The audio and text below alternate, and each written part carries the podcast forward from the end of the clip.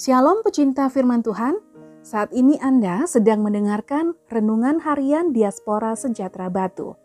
Pembacaan Alkitab hari ini diambil dari kitab Keluaran pasal 14 ayat 23 sampai 31. Orang Mesir mengejar dan menyusul mereka, segala kuda Firaun, keretanya, dan orangnya yang berkuda, sampai ke tengah-tengah laut. Dan pada waktu jaga pagi, Tuhan yang di dalam tiang api dan awan itu memandang kepada tentara orang Mesir, lalu dikacaukannya tentara orang Mesir itu. Ia membuat roda keretanya berjalan miring dan maju dengan berat, sehingga orang Mesir berkata, Marilah kita lari meninggalkan orang Israel, sebab Tuhanlah yang berperang untuk mereka melawan Mesir. Berfirmanlah Tuhan kepada Musa, Ulurkanlah tanganmu ke atas laut, supaya air berbalik meliputi orang Mesir, meliputi kereta mereka dan orang mereka yang berkuda. Musa mengulurkan tangannya ke atas laut. Maka menjelang pagi berbaliklah air laut ke tempatnya, sedang orang Mesir lari menuju air itu. Demikianlah Tuhan mencampakkan orang Mesir ke tengah-tengah laut. Berbaliklah segala air itu, lalu menutupi kereta dan orang berkuda dari seluruh pasukan Firaun yang telah menyusul orang Israel itu ke laut seorang pun tidak ada yang tinggal dari mereka. Tetapi orang Israel berjalan di tempat kering dari tengah-tengah laut, sedang di kiri dan di kanan mereka air itu sebagai tembok bagi mereka. Demikianlah pada hari itu Tuhan menyelamatkan orang Israel dari tangan orang Mesir, dan orang Israel melihat orang Mesir mati terhantar di pantai laut. Ketika dilihat oleh orang Israel betapa besarnya perbuatan yang dilakukan Tuhan terhadap orang Mesir, maka takutlah bangsa itu kepada Tuhan, dan mereka percaya kepada Tuhan dan kepada Musa, hambanya itu. Ayat Masari ini diambil dari kitab Keluaran 14 ayat 31. Ketika dilihat oleh orang Israel betapa besarnya perbuatan yang dilakukan Tuhan terhadap orang Mesir, maka takutlah bangsa itu kepada Tuhan dan mereka percaya kepada Tuhan dan kepada Musa hambanya itu.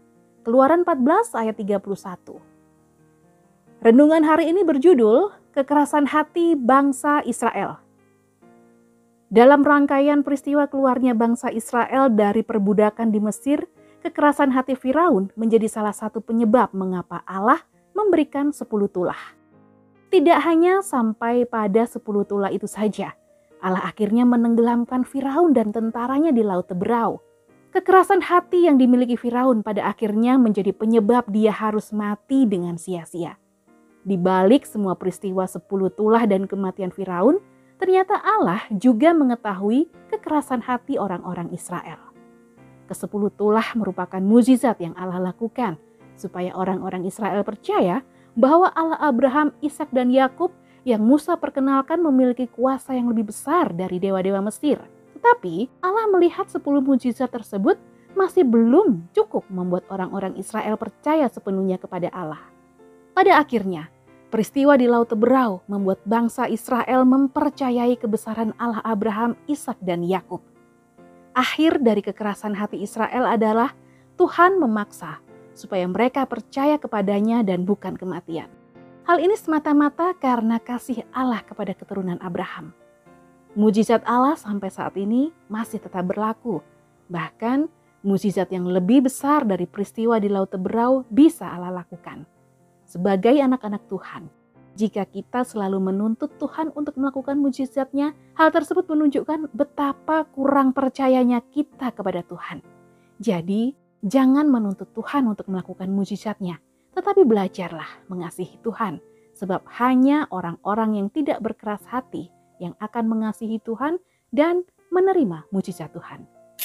Tetapi apabila pernah dikatakan pada hari ini, jika kamu mendengar suaranya, janganlah keraskan hatimu seperti dalam kegeraman.